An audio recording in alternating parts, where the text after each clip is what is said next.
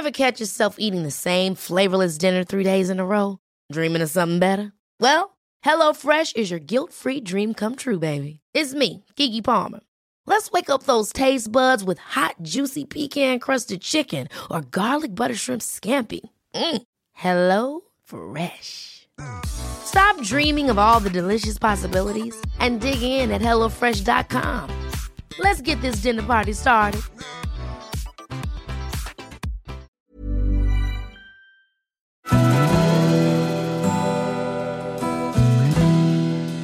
Välkommen till Stora relationsguiden. Podden där parterapeuten Anneli Östling tillsammans med sin sidekick Bella guidar dig genom allt som har med kärlek och relationer att göra. Följt av väl beprövade tips och råd.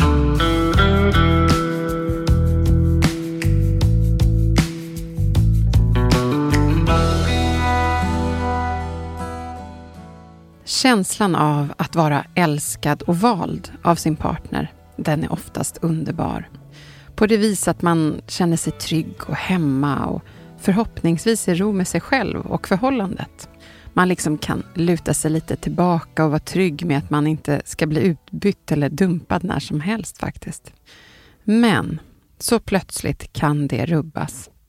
Du märker kanske något nytt eller flera nya beteenden hos din partner som av någon anledning inte känns bra i magen. Du kanske frågar dig själv om du är nojig eller bara orolig i onödan. Eller du kanske faktiskt rent utav förtränger det. För du kan inte med att det skulle kunna vara så att faktiskt din partner skulle vara otrogen mot dig.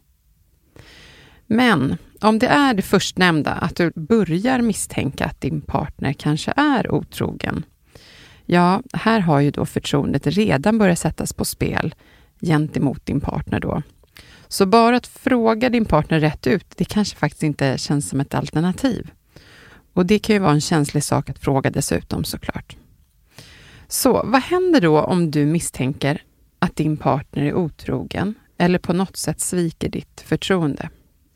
Går du och rådfrågar och pratar ut med en vän eller kanske någon annan person i din närhet? Eller håller du det för dig själv? Ja, oavsett vad så kan båda de här sakerna vara en jobbig sak att göra. Ja du Anneli, från den ena dagen till den andra så kan ju livet och tryggheten i relationen faktiskt helt förändras. Kan du beskriva hur du ser på det här med att börja misstänka otrohet eller svek? Ja, att misstänka att något inte står rätt till i relationen och behöva misstro sin partner är en skrämmande känsla. Och här upptas våra tankar av oro de flesta vakna timmar och magkänslan är det enda som vi i det här läget kan förlita oss på. Och det här är ju skrämmande. Ja, men det måste ju faktiskt vara en mardröm som många, eller i stort sett alla, är rädd för. Ja, många är rädda för det och det är faktiskt också många som får uppleva det på riktigt. Även om man är ganska säker på att en partner håller på med någonting konstigt eller har ett misstänkt beteende, så är det vanligt att man själv känner sig som en dålig person. Som den som misstänker, så länge som man inte har något bevis. Alltså den här att söka trygghet, att söka ögonkontakt. När man känner att det här inte finns där, så blir det svårt. Och innan man har fått någonting konkret, bevis på sveket, så kan man eh, gå runt och våndas mycket i sig själv. Mm. Det kan komma både skamkänslor och eh, jobbiga känslor med mm. det. Det förstår jag. Och att själv behöva leta upp bevisen för det som är ens största mardröm, det blir väldigt kluvet här. Vissa kan ju välja att blunda för det, gå in i förnekelse, men leva med en knut i magen. Medan andra utvecklas till detektiver för att man inte står ut med känslan av att kanske bli lurad eller bedragen. Mm. Ja, men jag tänker vad, vad otroligt olika det kan vara. När jag hör dig säga det här, så känner jag att det finns bara ett sätt. Men det är ju så intressant med oss människor att vi är så olika.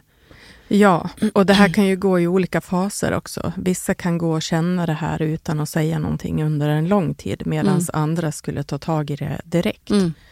Så. Är man inte van att prata med andra och man är livrädd för att det ska ske någonting med relationen, så kan det lätt bli att man försöker tänka att det säkert inte är något som är fel. Mm. Jag tänker på det här, du sa att man blir detektiver. Det finns väl till och med de som anlitar riktiga privatdetektiver för att ta reda på hur det ligger till, är det inte så? Jo. Nu vet inte jag hur vanligt det är, men jag har sett det på TV i alla fall ja. och hört om det. ja. Jag kan tänka mig att de flesta kanske går in och blir sin egen detektiv i den här situationen. Mm. Eller vad tror du? Jo, om misstankar blir allt starkare så är det ju vanligt att aktivt agera detektiv för att söka bevis på alla tänkbara sätt för att få veta sanningen, för man vill ju gärna mm. veta hur saker och ting ligger till. Och det kan få oss att känna oss gränslösa i jakten på sanningen när vi då kanske behöver göra intrång på någon annans integritet genom att gå in med lösenord i den andras telefon eller dator eller leta kvitton eller kontoutdrag. Och det är också lätt att bli besatt av att leta efter små tecken som skulle kunna tyda på det som man känner som en magkänsla, att något inte stämmer. Mm. Men då undrar jag, hur brukar det uppdagas då? Vad är det vanligaste? Kan du säga det? Ja, jag kan ju säga det utifrån min erfarenhet, men det finns också ett stort mörkertal här då många tycker att det är svårt att prata om det här. Eh, man skäms lite över det här. Så att, ja. ja men jag kan tänka mig. Alltså, jag bara fick en så här i huvudet, om man sitter på lunch i lunchrummet på jobbet mm. och man skulle göra en liten, hur många här har bedragit sin partner eller blivit bedragna? Då är det inte så att folk skulle så Ja, jag har också gräsklippare hemma. ja, det, är inte, det är inte det vanligaste att vilja outa och prata om, det förstår man ju. Mm. Mm. Och av de par som jag träffar som hamnat i kris på grund av svek eller otrohet så är det vanligaste att en partner upptäcker otroheten som då blir att uppdagas. Och ofta digitalt eller genom mejl eller chattar eller sociala medier. Mm. Jag hade önskat att fler som svikit sin partner själva väljer att berätta, då det betyder mycket för det fortsatta arbetet med att kunna lita på och känna tillit om man vill gå vidare med relationen. Men nu pratar vi ju fortfarande om misstankar här. Så att vi, vi går ett steg i förväg. Men det är naturligtvis svårt och smärtsamt ändå. Även om en partner berättar det själv och att vara i situationen att misstänka är så skrämmande som att hålla andan och hoppas på att det visar sig finnas en naturlig, oskyldig förklaring till partnerns förändrade beteende. Ja, Okej. Okay. Ja. ja, men tack för det. Men vad är det man upptäcker när man börjar känna att någonting är fel då? Alltså ett misstänkt beteende eller vad det nu kan vara. Ja, det kan ta lite tid att förstå och man kan länge observera att partnern beter sig annorlunda och har ett förändrat beteende. Det är här knuten i magen kommer och när man får misstanken att det kan handla om någon typ av svek, det som många kan uppleva som en mardröm då. Man såg inte det här komma och man vill inte tro att det är sant. Och så länge som man bara har en misstanke så kan man känna sig väldigt ensam och inte vilja prata om det ifall att man har fel. Alltså man vill mm. ju inte vara en svartsjuk partner. Mm. Och eh, det kan också kännas skamfullt bara att vara en misstänksam person. Och många gånger frågar man sig om man har blivit tokig. Är det normalt att snoka eller vilja gillra en fälla eller försöka få information om partnern via andra personer. Mm. Eh, partnerns kompisar till exempel, eller arbetskollegor. Ja, det känns inte så skönt när du säger det. Nej, man kan känna sig väldigt utsatt där. Mm. Mm. Ja, men jag kan verkligen förstå att det kan ju finnas liksom, tusen sätt att försöka dölja något om det är så att, att man faktiskt inte har rent mjöl i påsen. Och man bryr sig om den andra och vill fortfarande ändå vara kvar med den. Mm. Och den som börjar misstänka tjänar på att inte förhasta sig med anklagelser, då det möjliggör för en otrogen partner att städa undan eventuella bevis. Just det. Ja. Mm. Och tillfället gör liksom tjuven där. Risken är då större att partnern fortsätter agera bakom ryggen och blåneka och ljuga så länge som den andra inte har något konkret. Mm. För då har man redan satt sig Spoilat i, på något vis. alltså. i, i klistret. Ja. Liksom. Det låter ju faktiskt helt fruktansvärt att agera så faktiskt. Mm. Men å andra sidan är det väl också dumt att anklaga någon om man inte heller vet vad som ligger bakom. Eller ens om det finns ett belägg för misstanke. Man kan ju fått någon idé i huvudet som bara sätter spinn också. Ja, ja, ja. Det finns många hjärnspöken Mm. när det gäller relationer som blir så viktiga. Mm. Och Man kan lätt förstå att det här kan stöka till det i en relation och det skulle vara bättre om alla är ärliga och ansvarsfulla i sin relation. Men det är ju tyvärr inte så det ser ut. Okej, men vad kan det handla om som gör en partner misstänksam? Ja, men det kan till exempel vara att partnern drar sig undan, att man eh, gömmer och smyger med sin telefon. Det måste ju nästan vara det vanliga, alltså Ja, idag. tydligaste. Idag, Eftersom alla har, om man ser något nytt telefonbeteende, då kan man ju verkligen undra. ja, Ja. och att man ska gå iväg på olika aktiviteter som partnern aldrig har hört talas om förut. Eller att man blir mer fåfäng eller inte håller avtalade tider för middagar eller och börjar umgås med nya vänner. Det här är några exempel då. Mm.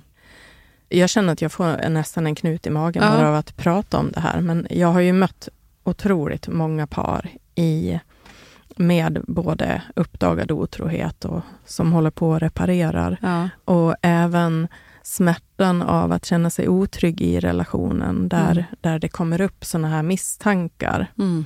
när de kommer till mig ja. i parterapi. Just det. Mm. Men jag tänker på, det finns ju också andra saker som kan styra beteendeförändringar. Men jag kan verkligen förstå också en oro om man märker att det finns en skillnad plötsligt i någons beteende hemma.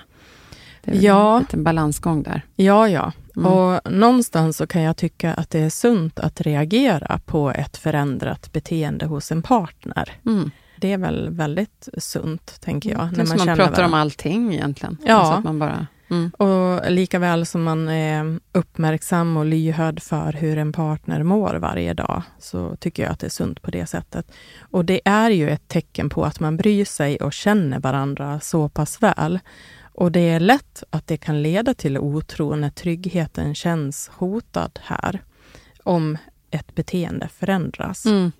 Och när man börjar känna sig lite osäker eller misstänksam så är det lätt att man börjar läsa signaler och leta efter tecken som man inte behöver göra i vanliga fall. Ja, och jag kan tänka mig att man kan ju vara mer känslig om man har varit kanske utsatt för svek tidigare i sitt liv också. Och att den där stora rädslan att bli övergiven. Att man nästintill skulle kunna se det som svartsjuka utan grund i vissa fall. Kan det vara så? Ja, så kan det vara absolut. Och det är vanligt att man känt sig sviken av tidigare partners eller föräldrar eller vänner. Och det gör ju att man är extra känslig kanske för Mm. att bli övergiven eller bortvald eller sviken helt enkelt. Och gällande svartsjuka så tänker jag att de som lyssnar på det här avsnittet också är smärtsamt medvetna om att de kan ha en svartsjuk läggning. Och ibland kan det vara svårt att skilja på vad som är vad om man ständigt är rädd för att bli sviken, bortvald eller bedragen. Mm.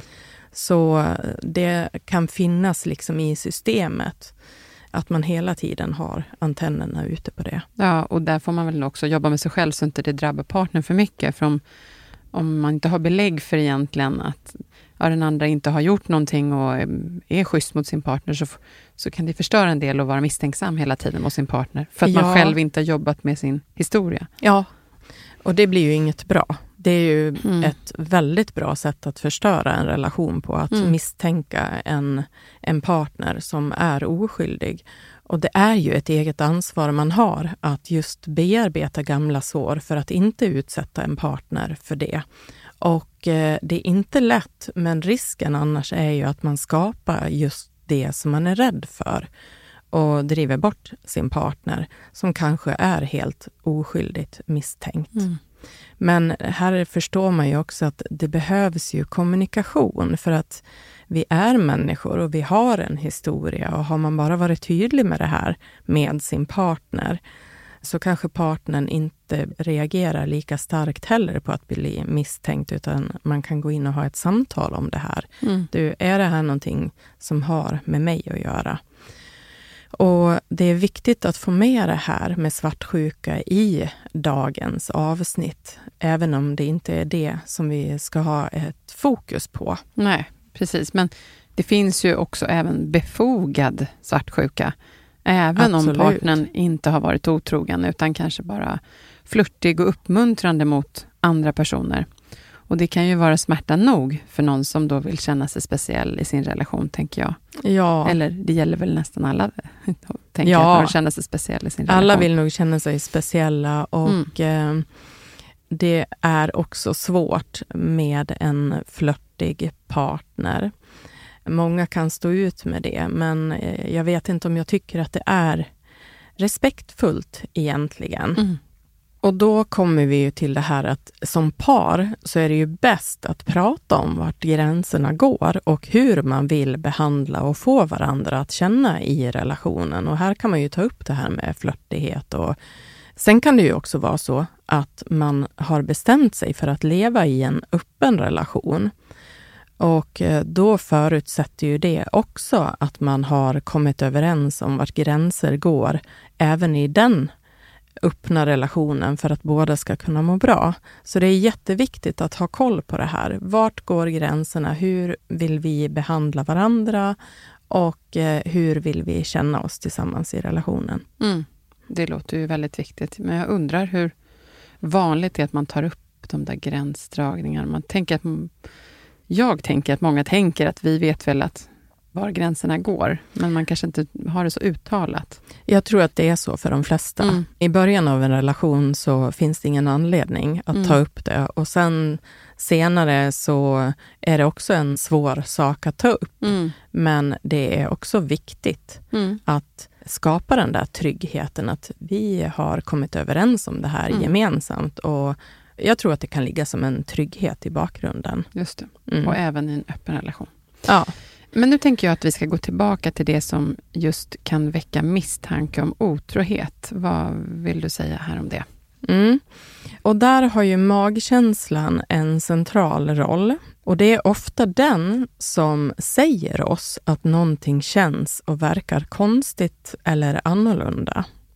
Det är det vi ofta först känner, att det är någonting med magkänslan som inte stämmer. Men det kommer också med att man behöver hantera magkänslan med respekt och ansvar. Det bästa är att på ett tydligt, bestämt och vänligt sätt konfrontera sin partner med sin misstanke och gärna på ett sårbart sätt så att man tar ansvar för det man själv känner och är rädd för och inte anklagar den andra så länge som man inte har någonting konkret som bevis. Just det. Att vara sårbar och säga att jag är rädd för det här. Jag har en konstig känsla av att det är något som inte stämmer. Hjälp mig. Mm. Mm. Det är ju modigt. Finns det inte någonting i människan också som inte vill visa sig sårbar när man redan då, om man kanske är i en sämre position, eller vad man ska säga, i förhållandet? Mm. Ja, det är ju jätteläskigt i det här mm. fallet, för i det här fallet då handlar det om att man är rädd för att det ska finnas någon annan.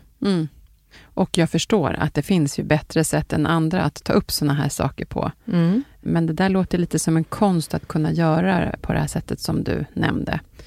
Hur många kan egentligen behålla ett lugn och vara konkret när man misstänker det värsta, tänker jag? Eller undrar jag. Ja, jag tror inte att det är så många egentligen. Nej. Och eh, det är ju därför som jag eh, tycker att det är så viktigt att vi pratar om det här i podden. För jag tror att det är många som sitter där ute med ont i magen själva. Och bara det att få lite större medvetenhet om hur det kan vara kan göra att man känner sig lite modigare eller tryggare eller lugnare.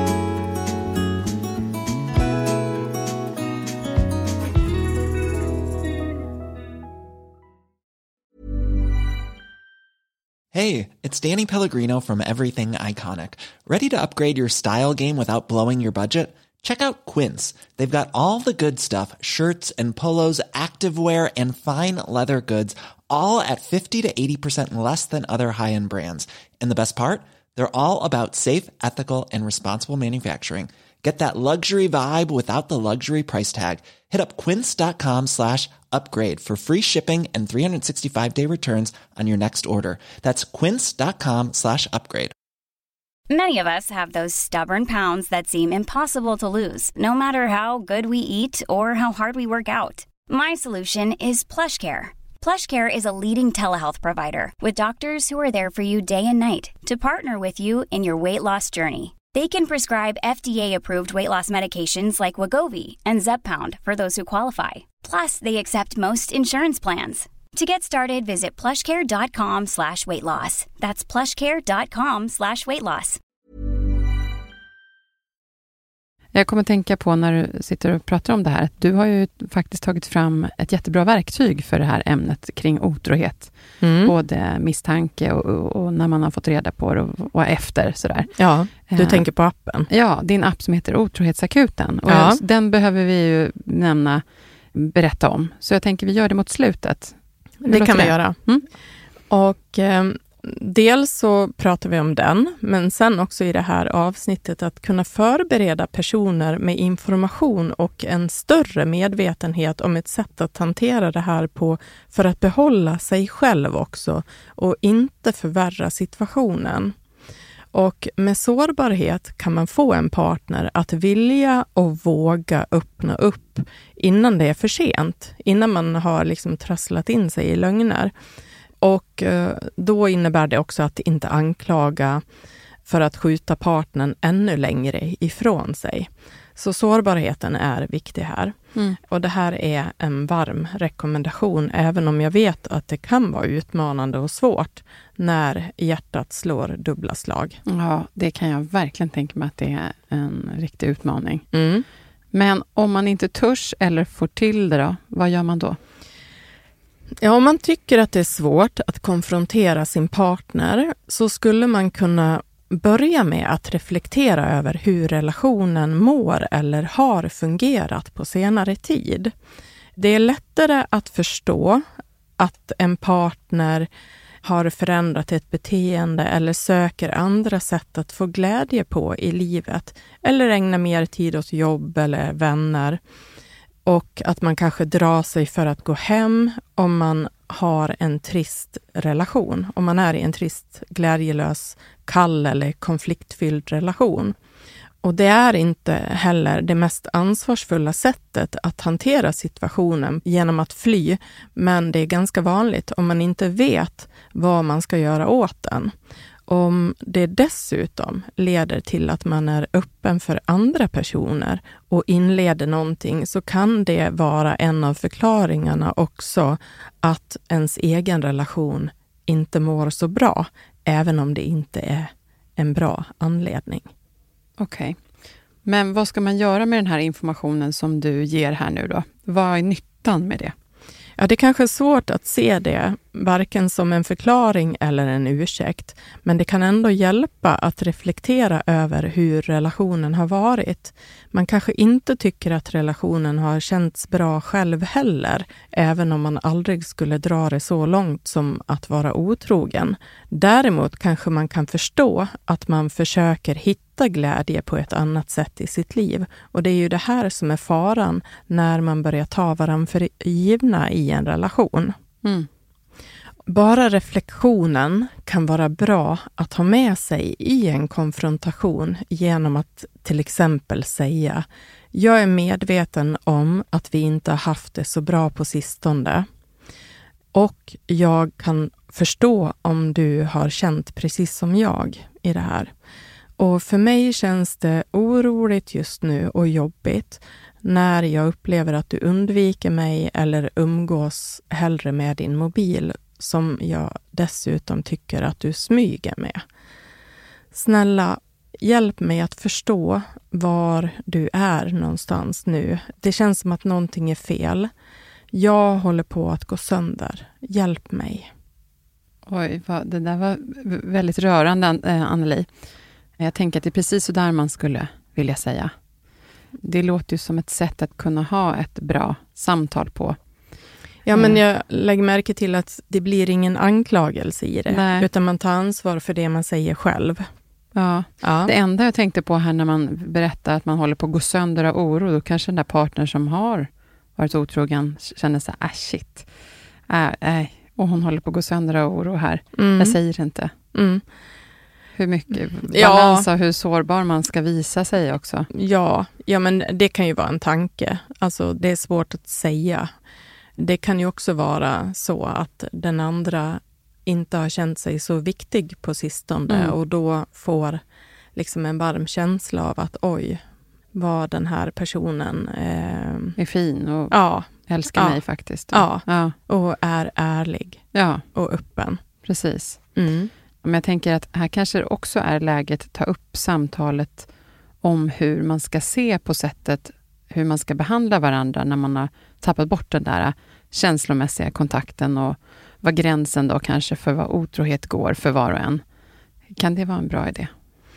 Ja, och det ska man ju helst ha gjort innan. Alltså prata om det här tidigare i relationen. Men det är ju bra att göra det eller påminna varandra om hur man ser på det och vad man behöver i relationen för att kunna känna sig trygg och må bra tillsammans. Och sitter man med en partner som är skyldig här så kommer man nog inte så långt med det här. Men om det inte är så, så kan det här vara samtalet som gör att man kommer närmare varandra på ett utvecklande sätt. Det är ju ändå någonting som kan skapa trygghet hos båda om man är eller blir överens om det här. Okej. Okay. Det här är kanske är en konstig fråga, men så kommer det så här då. Kommer man ifrån att behöva konfrontera sin partner? Alltså om vi går tillbaka till just det här konkreta ämnet misstanke om otrohet. Nej, vi kommer inte ifrån det, Bella, att eh, behöva konfrontera vår partner. Alltså, nu sitter vi och pratar om misstanke om otrohet. Och för den som är modig, som verkligen vill gå till botten med det här, med en egen värdighet, så har det stor betydelse hur man uttrycker sig i den här mm. konfrontationen. Mm. Mm. Man skulle ju helt enkelt själv kunna sluta som vinnare genom att vara tydlig och sätta värde på sig själv och låta bli att anklaga den andra, men göra klart för den andra att jag kommer aldrig att kunna göra valen åt dig. Väljer du att träffa någon annan så vill jag att du respekterar mig i att jag då inte vill vara tillsammans med dig. Jag väljer att lita på dig tills jag blir bevisad motsatsen nu. Och du behöver hjälpa mig att förstå hur jag kan uppleva att du har ett undvikande beteende mot mig. Eller, ja, du beter dig annorlunda helt enkelt och jag behöver förstå det, för jag mm. känner mig otrygg just nu. Det här blir ju väldigt ansvarsfullt och tydligt och eh, det kanske kan vara svårt i ett läge där man känner sig ganska liten själv. Och det rusar i kroppen. Ja. Mm. Och den som inte har det här modet behöver försöka att skaffa det eller visa en värdig sårbarhet i alla fall. Det är viktigt att stå upp för sig själv och kunna förvänta sig hjälp från en partner som är oskyldig. Mm. Så om partnern påvisar att den är oskyldig, då borde också den vara angelägen om att hjälpa att göra den andra trygg. Om inte det här är saker som dyker upp varje vecka, att man mm. har en partner som har hjärnspöken, mm. som hela go, tiden yeah. är, mm. är orolig. Mm. Mm. Nej, då förstår man att de kan bli trött. Men, ja. men jag tänker ändå på just det här, kan du förklara just varför det är så viktigt att konfrontera för det kan man ju inte ta miste om att du verkligen tycker här. Nej. Det här. Ja, men det är först när vi tar mod till oss att konfrontera partnern som vi kan få veta. Mm.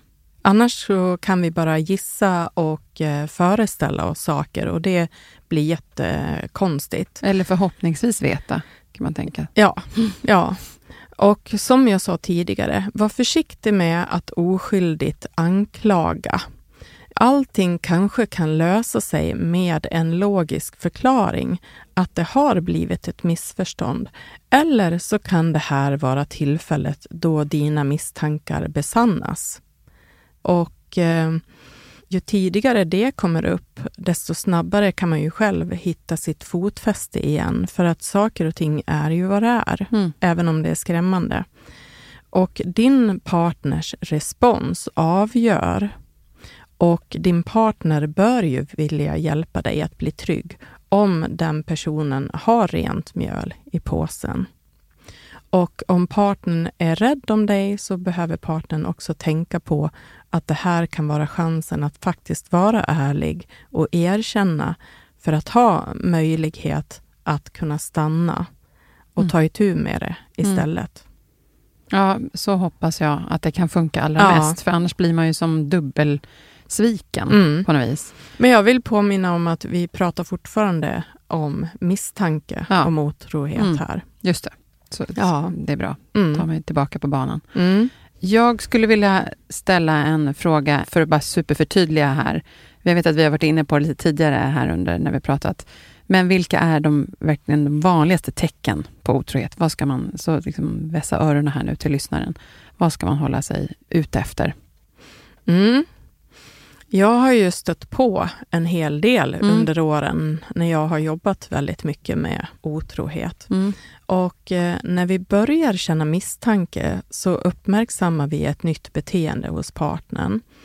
Att uppträda hemlighetsfullt med sin mobil, att få nya intressen, att bli mer fåfäng och spendera mer tid än vanligt på jobb eller med vänner och visa mindre engagemang i sin partner.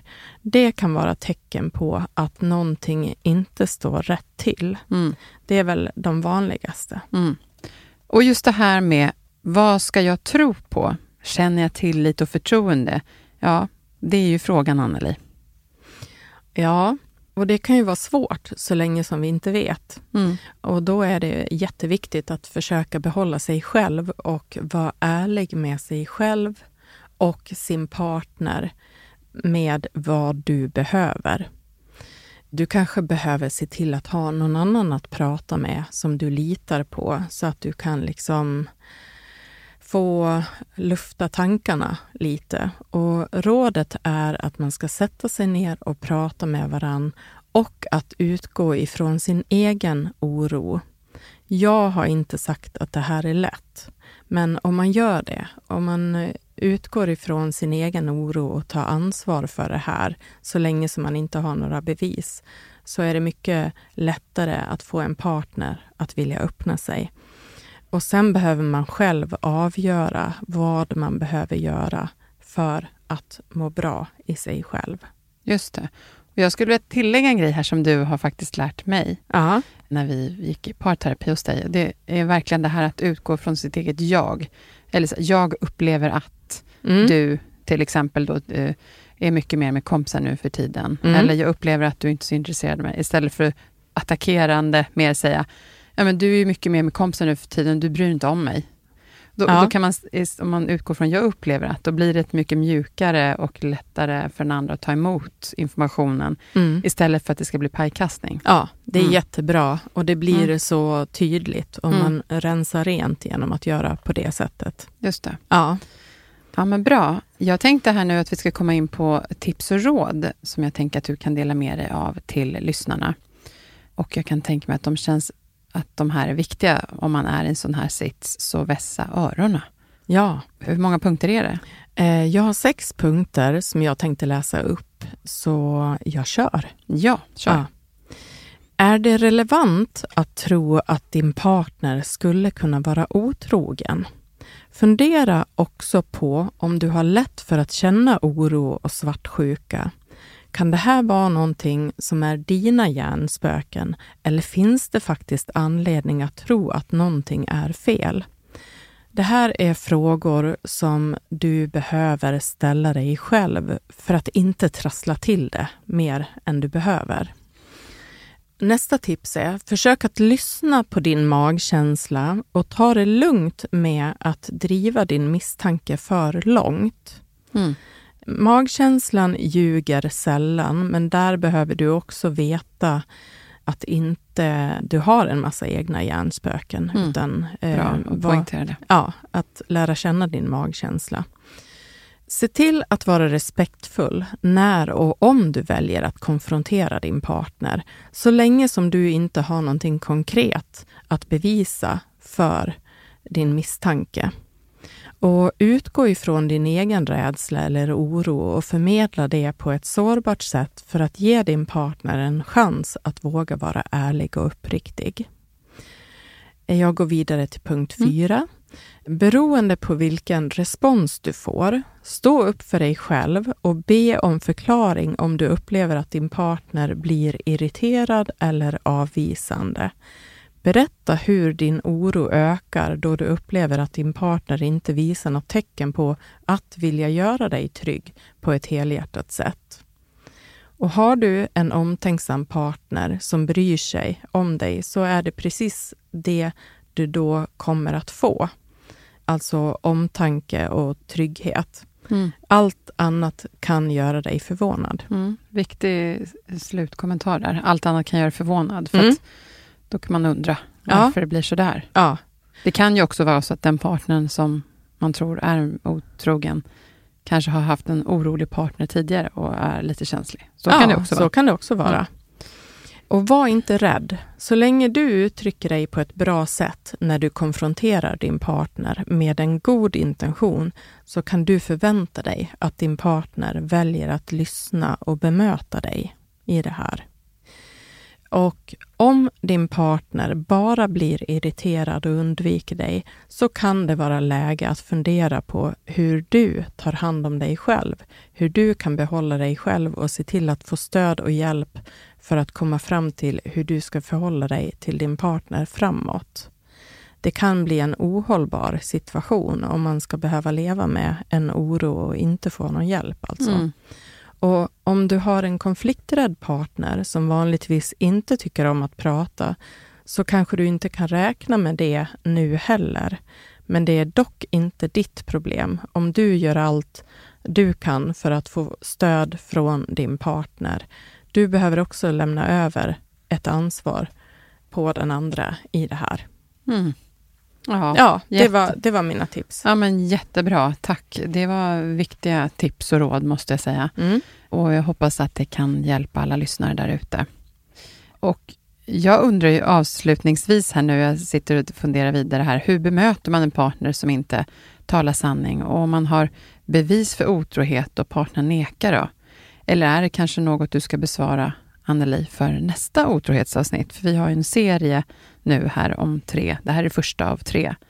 Och det nästa det kommer om två veckor alltså, vi har ett annat avsnitt däremellan. Ja, vi kommer gå in närmare på det då. Ja. Så det här, eh, din fråga blir en cliffhanger Ja. till nästa avsnitt i den här serien. Så missa inte det då. Ja, men bra. Jag Mm. tänkte det var bra att poängtera det, för jag Ja. sitter och genast vill blicka framåt. Vad händer sen? Ja, ja. Ja, men jag tänker innan jag ska sammanfatta avsnittet, så medan vi har lyssnarna uppe i rådtempo här, så har vi ju det viktiga verktyget som är ju faktiskt den här appen som du har tagit fram, Anneli, som heter Otrohetsakuten. Mm. Och det är ju ett väldigt konkret verktyg, som, eftersom det är ett väldigt svårt ämne att prata om generellt hemma, Mm. och kanske med dem i sin omgivning, så är det ju bra att man får liksom bra uppslag där för ämnen att prata om, eller, eller ett steg för steg hur man kan bli guidade tillsammans i, i den här frågan. Alltså jag kan säga så här, Bella, ja. att om man hamnar i den här situationen så kan man bli ganska blockerad i Mm. sig själv. Och då kan det vara skönt att få uppslag.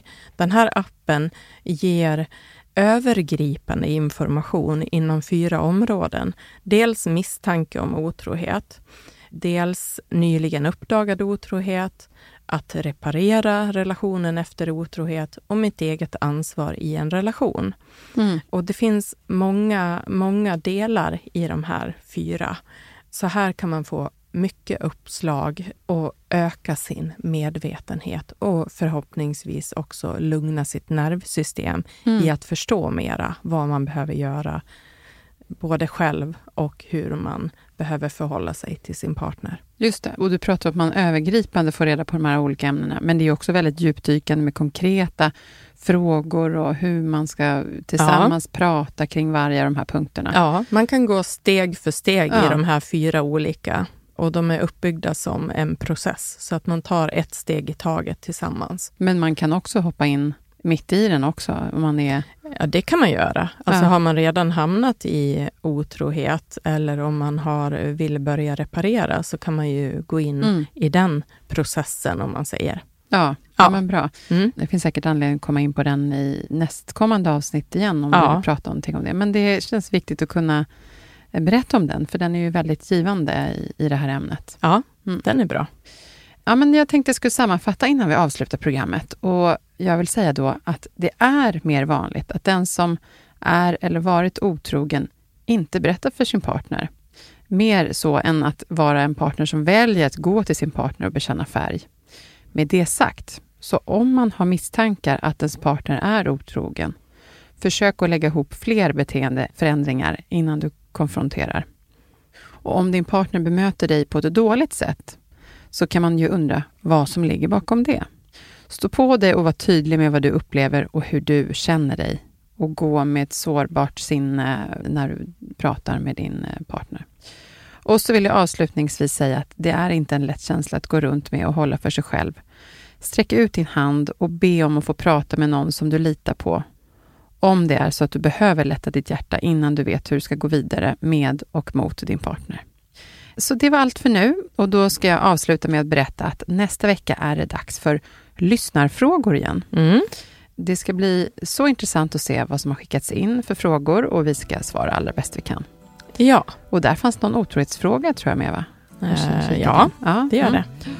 Men då säger vi tack för idag och tack till våra lyssnare och Jens som är vår producent och klippare från Stray Dog Studios.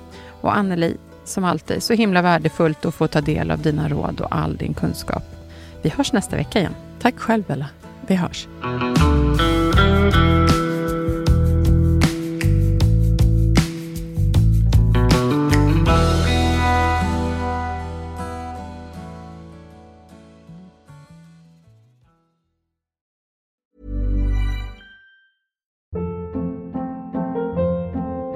Hold up. What was that? Boring. No flavor. That was as bad as those leftovers you ate all week. Kiki Palmer here, and it's time to say hello to something fresh and guilt-free. Hello Fresh. Jazz up dinner with pecan-crusted chicken or garlic butter shrimp scampi. Now that's music to my mouth. Hello Fresh. Let's get this dinner party started. Discover all the delicious possibilities at hellofresh.com.